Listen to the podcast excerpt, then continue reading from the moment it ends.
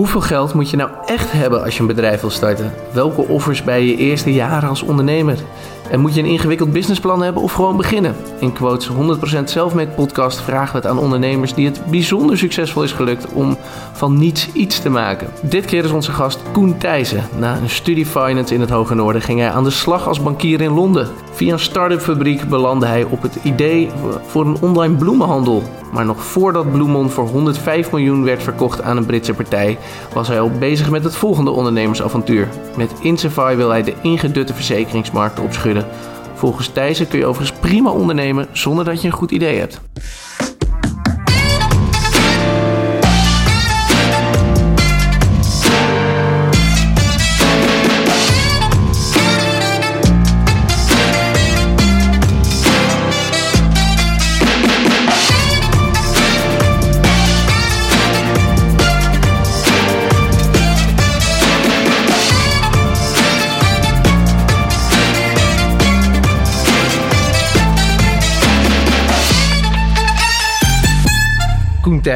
Uh, ja, jij begon ooit uh, als bankier. Toen ging je de bloemen in, Bloemon. Uh, bekend bij veel mensen, dat werd verkocht. Voordat dat wegging, begon je al met een nieuw avontuur. De, je ging, gaat de verzekeringsmarkt ja, overhoop gooien. Daar gaan we ons zo meer over vertellen. Maar ik begon even met die grote fout die je als bankier hebt gemaakt. Want ooit pakte jij de verkeerde deur. Kan je dat eens even uitleggen wat er zo onhandig aan was? Ja, dat was in, in 2008. Um, en dat was wel een inter interessant jaar in de financiële industrie. Dat was het jaar dat, uh, dat Lehman uh, failliet ging. En dat was toevallig de bank waarbij ik uh, werkte. Ook nog eens in, in Londen op, op Canary Wharf. Um, ja, en ik was daar s ochtends binnengekomen en wij kregen het verhaal te horen van ja, het, het stopt allemaal, dus pak je spullen maar en ja, zoek het maar uit eigenlijk. Dus ik had een kartonnen doos onder mijn bureau, heel toevallig. Uh, stopte daar mijn spulletjes in, ging naar beneden. Ja, en ging door de, de uitgang naar buiten die ik eigenlijk elke dag uh, nam. En aan de overkant van die straat stonden heel veel journalisten. En dat had ik eigenlijk niet verwacht. Maar goed, ik dacht, ja, weet je, die zullen niet zo op mij letten. Uh, dus ik liep langs het gebouw naar, naar de tube. En op een gegeven moment zie ik een hele horde journalisten camera's van hun stands pakken. En mijn kant op rennen. Uh, ja, en toen stond ik ineens uh, een paar uur later op, uh, ja, op Bloomberg Nieuws en allerlei andere kanalen met een kartonnen doos als ja, bankier die er, eruit geflikkerd was. Ja, en elke keer als, als het weer ergens wankel werd in de financiële wereld, dan kwam je weer terug in deze foto, hè? Ja, dat, kijk, als het dan slecht ging met de economie, dan zag je mij ergens op de achtergrond met mijn kartonnen doos rondlopen. Ja, dus het baken van ellende was je, maar dat is helemaal goed gekomen. want hoe, ja, de reis van bankier naar bloemist, zeg maar, ja. hoe is die verlopen? Had je een ondernemersdroom? Um, nou, die had ik eigenlijk niet. Want ik, uh, ik had in, in, Londen gestudeerd. En eigenlijk al mijn klasgenoten, die, uh, ja, die wou die bankaire sector in. Dat, dat wou je in 2006, 2007.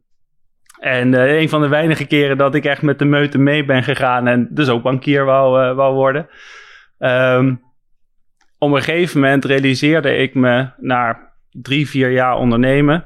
Dat, of ondernemen, sorry, bankier zijn dat ik het eigenlijk helemaal niet zo interessant meer vond. Uh, je kunt als bankier op een gegeven moment weet je dan precies wat je carrièrepad is. Weet je wel, elke drie jaar promotie. En dan weet je precies over negen jaar uh, red ik nog steeds even hard, maar dan met een andere titel. Maar ik had inmiddels wel heel veel ondernemers ontmoet. Die vond ik heel inspirerend. Maar ja, na, na vier jaar bankier te zijn geweest, had ik eigenlijk, eigenlijk nog helemaal niks relevants. Ik had ge geen relevante ervaring om ondernemer te worden. Ik had eigenlijk geen goed idee om, te, uh, om mee te starten. Uh, en ik had eigenlijk ook niet echt geld wat, wat ik kon investeren. Dus uh, ja, ik zat eigenlijk nog helemaal op een nulpunt na, na vier jaar werken. Ja, en hoe heb je die stap? Daarna ben je uit die bankierswereld gegaan. en toen, want je bent niet gelijk gaan ondernemen. Nee, toen kwam heel toevallig Rocket Internet op mijn pad. En dat was eigenlijk destijds een grote ja, kopieermachine eigenlijk. Dus uh, die oprichter Oliver Summer, wat hij eigenlijk deed, was die keek naar hey, welke businessmodellen werken goed in Amerika. Laat ik die dan kopiëren naar, uh, naar Europa. Dus dat heeft hij met bijvoorbeeld Zalando gedaan, uh, Groupon ook. en hij zei van nou, die Nederlandse markt is voor mij wel interessant. Daar wil ik wel eigenlijk een paar mensen op hebben die businessmodellen voor mij gaan kopiëren. En daar kreeg ik eigenlijk de kans om te leren wat je moet doen om een, om een bedrijf te starten. Dus ik kreeg eigenlijk een platform om dat, dat te oefenen. En daarmee ja, leerde ik van ja, hoe moet je nou een bedrijf starten? Hoe neem je nou een team aan? Hoe zorg je dat je eerste product verscheept is? En dat vormde eigenlijk een hele belangrijke basis om op een gegeven moment zelf die stap een keer te kunnen nemen. Want wanneer kwamen de bloemen? Ja, wanneer kwamen de bloemen? Ja, wij hadden op een gegeven moment bij Rocket, uh, kwam uit die kopieermachine, kwam, uh, kwam HelloFresh rollen. Um, en um, dat, dat was in het begin heel moeilijk om, om te starten. Om die maaltijdpakketten aan, aan de man te brengen. Maar op een gegeven moment ging dat lopen. Begon dat echt, echt te vliegen. En dat bedrijf groeide kei en keihard. En toen dachten we van, hé, hey, maar dit is een mooi businessmodel. Het subscription e-commerce. Je had één keer een klant binnen en vervolgens ga je ze een jaar lang van eten voorzien. Kunnen we dat nou niet voor, uh, op een andere industrie uh, doen? Uh, dus we hebben een lijstje gemaakt wat, wat zou kunnen. En op dat lijstje stond ook, ook bloemen. En we zijn dat gewoon gaan proberen. In, onze, in ons netwerk gekeken van zouden mensen bij ons een, een, een, bloemenabonnementje af, af willen nemen. En we hebben het gewoon geprobeerd en bleef plakken. En ja, toen zijn we het maar gaan uitbouwen. Je, je zei net al, voor een, als ondernemer heb je drie dingen nodig een uh, relevante ervaring. Nou, die had je bij uh, uh, Rocket Internet opgedaan. geld en een goed idee. over geld. we vragen iedere ondernemer met welke middelen startte je? Wat was het saldo waarmee jij het avontuur aanging? Ja, dat is een goede vraag. Ik denk dat het saldo vrij dicht bij nul zat. Ik ik had, wel wat reserves opgebouwd, dus ik, ik, ik kon even zonder, zonder werk. Wat voor mij belangrijker was, dat, dat ik geen verplichtingen had opgebouwd. Ik had, had geen koophuis, ik had geen uh, dure levensstijl. Dus ik voelde me eigenlijk heel vrij om, om te ondernemen. maar om een bedrijf te starten heb je inderdaad ook kapitaal nodig. voor mij betekende, omdat ik het zelf niet had, dat ik daarvoor naar externe moest, moest gaan. En mensen dus overtuigen om in je bedrijf te, uh, te investeren. Overtuigen dat uh, drie mannen die eigenlijk nog nooit een bos bloemen hebben, hebben geschikt, dat die in staat zijn om een, uh, om een bloemen, bloemenbedrijf neer te zetten en op te schalen. En welke externe waren dat en hoe heb je ze overtuigd? Ja, dus in het, in het prille begin, en dat is anders nu bij Insify dan toen bij Bloemon. bij Bloemon waren, waren dat ehm, eigenlijk uh, mensen in ons, in ons netwerk geweest. Dus mensen waarmee we hadden gewerkt als bankier of mijn medeoprichters waren consultants. Die hadden uit die consultancy sector nog een, hun bazen die eigenlijk wouden investeren. Um, en dat was, vormde eigenlijk de basis. Nu bij Insify is dat overigens veranderd. bij Insify had ik het geluk dat ik dus door, door middel van Bloemon wat track record had. En toen kon ik uh, professionele investeerders direct aan boord krijgen. Bloemon is natuurlijk een uh, succes geworden. Uh, op een gegeven moment ook verkocht. Eén ehm, anekdote nog over Bloemon en dan gaan we door naar Insify. jullie hadden een hele goede stylist, ook bij Bloemon. Dus die deed niet zomaar, maakte niet zomaar boeketjes. Die deed dat om één, één, één soort bloem in één boeket. En klopt het dat jullie op een gegeven moment zagen dat bloemisten gewoon op straat jullie boeketten gingen kopiëren. En zelfs bordjes gingen neerzetten met kopieer een Bloemon boeket. Ja, ja dat, dat, dat, klopt. Daar kregen wij dan foto's van, van binnen. Um, en dat is, ja, het is, wel grappig. Op het moment zelf vind je dat dan heel irritant. Want, want je wil niet dat, we wilden niet dat onze stijl gekopieerd zou worden. Want dat was een van onze USP's. Tegelijkertijd is dat ook weer een teken van, van succes. Um, toen we die sector in gingen, zag je eigenlijk dat er ja, weinig beleving meer zat rondom die bloemen. Dat die bloemisten eigenlijk niet echt meer innoveerden. En we hebben ze toch geïnspireerd om eens wat anders, anders te creëren. Dus die stylist was heel belangrijk ook. Die stylist was echt heel belangrijk, ja. ja. En uh, ja, van bloemen dan weer naar verzekeringen. Hoe is, uh, hoe is die stap gegaan? Ja, dat was, dat was dat is eigenlijk wel grappig, want um, ik kom dus helemaal niet uit die sector. Dus ik zit, zat echt aan de gebruikerskant. En toen wij Bloemon startten, was eigenlijk ook de eerste keer uh, dat we een bedrijf moesten gaan verzekeren. Op een gegeven moment krijg je medewerkers en denk je van, joh, uh, Die gaan naar uh, events toe, die gaan naar onze productiefaciliteit toe. Wat als er nou iets mee gebeurt, dan zijn we wel verantwoordelijk. Dus hebben we verzekering nodig. Dus ik ging online en dan kom je er heel snel achter dat je dat niet online kunt regelen. Ik belde een verzekeraar op uh, en die verzekeraar die zei van ja, wij doen eigenlijk niet rechtstreeks zaken met, uh, met, met, met bedrijven. Je moet eigenlijk naar een tussenpersoon gaan. Ah, een tussenpersoon. Bloemond draaide om de tussenpersonen uit een keten te halen. Dat vonden wij alleen maar inefficiëntie. Dat vond heel raar. Um, maar goed, ja, kon niet anders. Dus de tussenpersoon komt. Dat is een, een blanke man van tussen de, de uh, 55 en 68.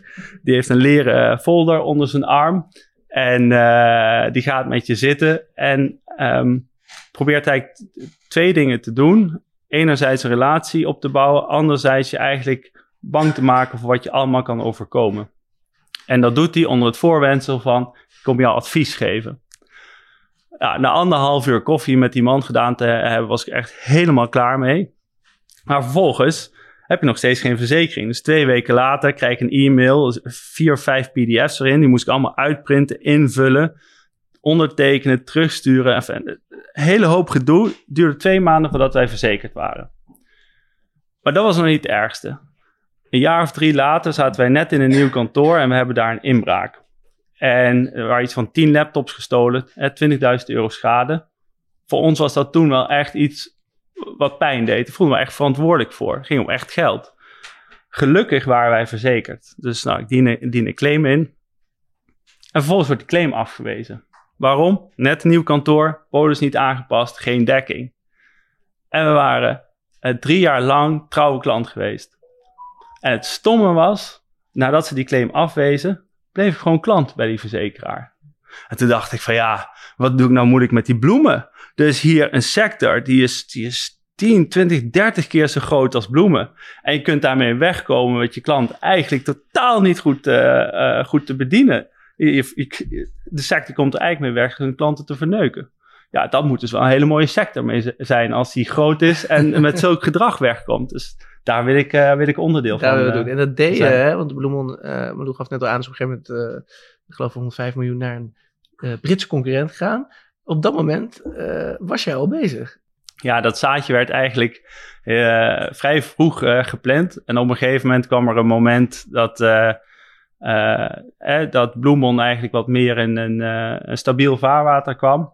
en ik met dat idee rondliep en zei van ja, als dit wat stabieler wordt, dan wil ik graag het volgende gaan oppakken. Ja, want moest jij, als, jij was CFO bij Bloemon ook.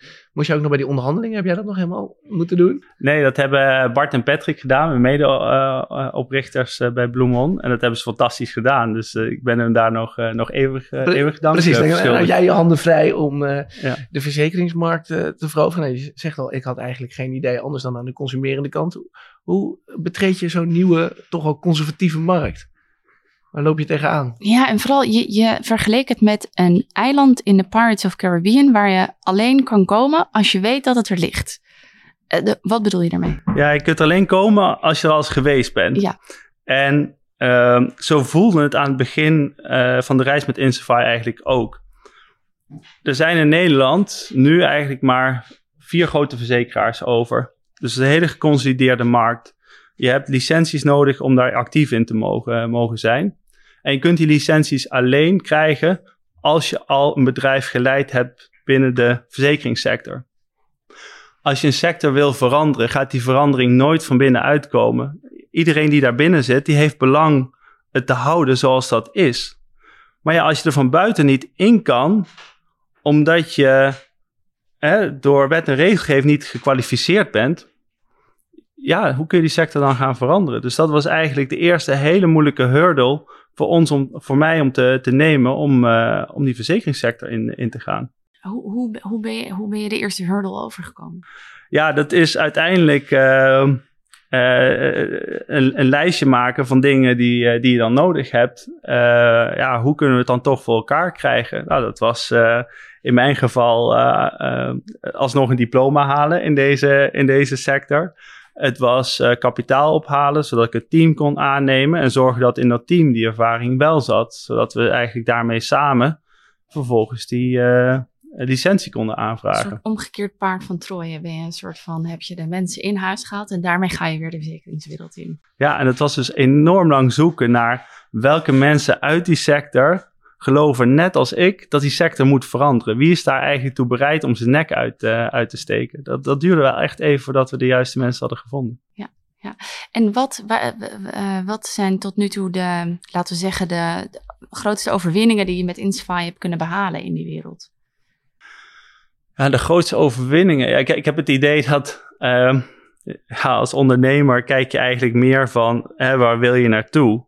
En waar wij naartoe aan het bouwen zijn, is wij, wij hopen in de komende tien jaar het grootste platform te worden voor zakelijke verzekeringen in Europa.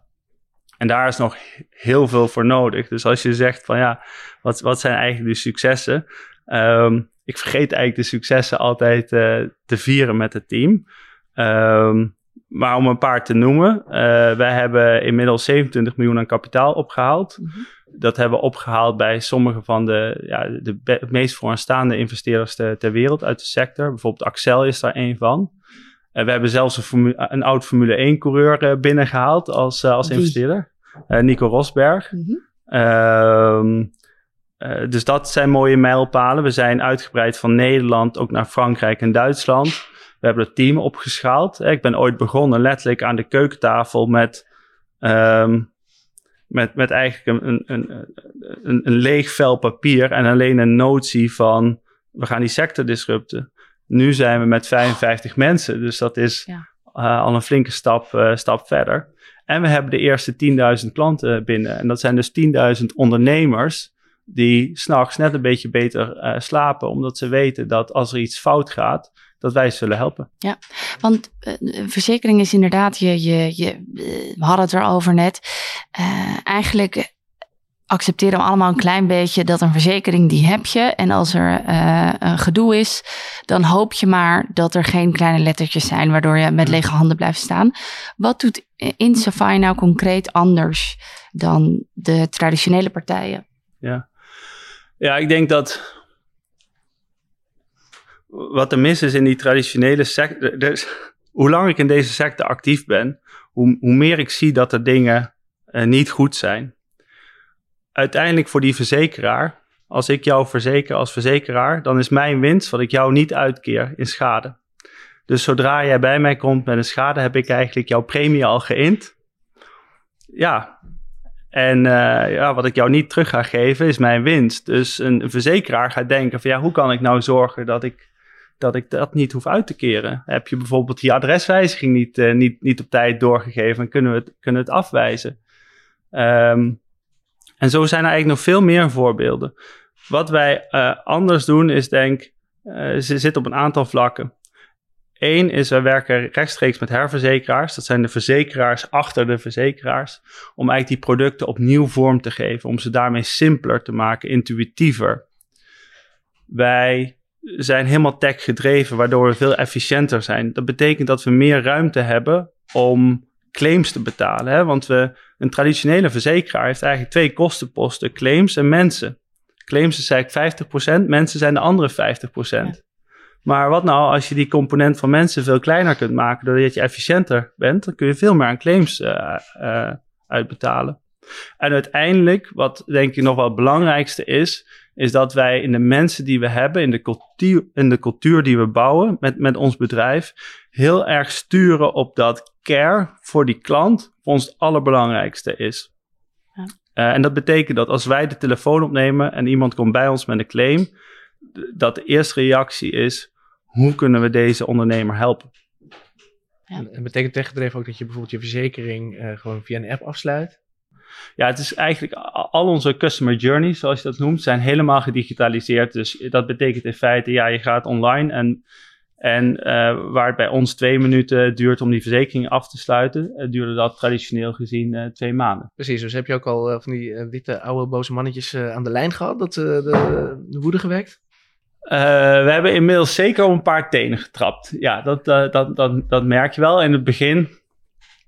Er zit ook iets er zit een bepaalde vorm van uh, arrogantie in deze, in deze sector. Namelijk een verzekeraar denkt, als dit succesvol wordt, ik geloof er eigenlijk niet in. Want heel veel mensen hebben het geprobeerd, net zoveel hebben gefaald. Maar als het succesvol wordt, dan heb ik altijd het geld om, om te kopen. En dat is een hele gevaarlijke gedachte. Want wat als het nou niet te koop is? Wat als je er wat fundamenteler in zit en je wilt die sector echt, echt veranderen? Dus ik denk dat tot nu toe verzekeraars kijken naar ons met, ja, het doet misschien een beetje pijn, maar als het echt succesvol wordt, dan kunnen we het wel kopen. Ja. De vraag is of ze dat ooit uh, de kans voor zullen krijgen. Nou ja, lijkt me wel een relevante vraag. Je zegt net, ik heb 27 miljoen aan uh, investeringen opgehaald. Nou, investeringsfondsen willen uiteindelijk rendement, dus ja. ze willen eruit. Dus is dat uh, realistisch dat je dat kunt volhouden?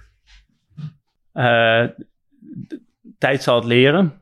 Maar we hebben heel kritisch gekeken naar, naar die fondsen. Wat is hun horizon? En voor ons is het heel belangrijk dat die horizon uh, enorm lang is. En dat was ook een van de selectiecriteria voor ons om, om, om te kiezen voor de fondsen waarmee we nu werken, zodat we in ieder geval voldoende tijd uh, krijgen. Ja, en dan is het zorgen dat je tegen die tijd in een positie bent dat je wel je zelfstandigheid kunt, uh, kunt behouden. Ja, want het is ook, hè, toen, ik vind het mooi, je groeit al heel snel, je hebt wel 55 mensen in dienst. Ik kan me herinneren dat bij Bloemond vond je het op een gegeven moment, ja, een beetje te groot worden, hè, 70 mensen. Uh, je voelde je wat meer een manager dan ondernemer. Nou, we hebben ook een uh, vraag altijd van de vorige ondernemer. Dat is in dit geval Pieter Kooijf uh, van een beveiligingsbedrijf. Die zei ook, voel jij je nu CEO of ondernemer in deze rol? Oeh, dat is, dat is, dat is een hele mooie vraag, Pieter. Ehm, ik, denk, ik denk beide. En dat heeft met de fase van het bedrijf te maken, maar ook de sector waarin, uh, waarin we, we zitten. Uh, want de sector is gereguleerd. Um, maar uh, kijk, op het moment dat je nog zelf, dat je nog zo hard groeit. Hè, we zijn afgelopen jaar vervijfvoudigd in termen van klanten, omzet, mensen. dit jaar zullen we nou, hopelijk voor drie, verviervoudigen dat, dat is nog zo'n dynamiek van zo'n zo'n snelheid, zo lastig te managen ook, dan voel ik me meer ondernemer. Ik denk het, het moment waarop groei meer gaat lijken op wat je bij een AX-bedrijf ziet, hè, zeg maar 5% jaar op jaar groei, ja, dan ben je, en je hebt duizenden mensen in dienst, dan ben je CEO, uh, dus dan ben je een manager. Dus ik voel me nog wel meer ondernemer, denk ik. Toch wel meer ondernemer. Um, uh, tot slot, uh, Koen, uh, als we terugkomen op de drie dingen: geld, een goed idee en ervaring. Nou, goede ideeën, die heb je zeker gehad.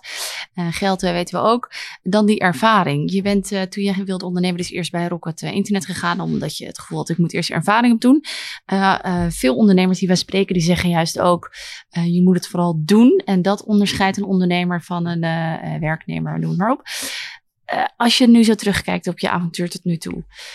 Is ervaring overschat of onderschat? Moet je het hebben als je gaat beginnen of uh, moet je gewoon beginnen? Oh, wauw, dat, is, uh, dat is een hele goede vraag. Um, ik denk dat je uiteindelijk meerdere vormen van ondernemerschap hebben, hebt. En um, er zijn meerdere wegen die naar Rome leiden. Ik denk dat het heel individueel is. Er zijn mensen die een enorm natuurtalent hebben vanaf uh, door omstandigheden op dag één een goed idee hebben en, en dat in staat zijn uh, uit te bouwen. Dat is ongelooflijk knap. Ik denk dat ik veel heb moeten leren.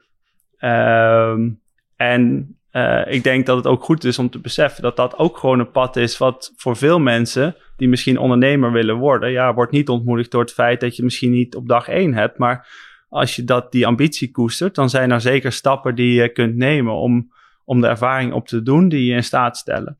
Maar wat, ik, wat ik ook hoor in de vraag van, eh, is eigenlijk op een gegeven moment moet je het wel doen. Op een gegeven moment is ervaring niet meer leidend. Dan is het gewoon de durf om het te doen en vertrouwen dat als je er eenmaal uh, aan begint, dat je het dan wel voor elkaar krijgt. En als ik terugkijk op de afgelopen drie jaar met Insify, het meeste is gewoon doen. Het is niet die ervaring, maar gewoon, ik heb ochtends een lijst met problemen. Daar probeer ik wat aan te doen. Uh, en daar geef ik vol gas op.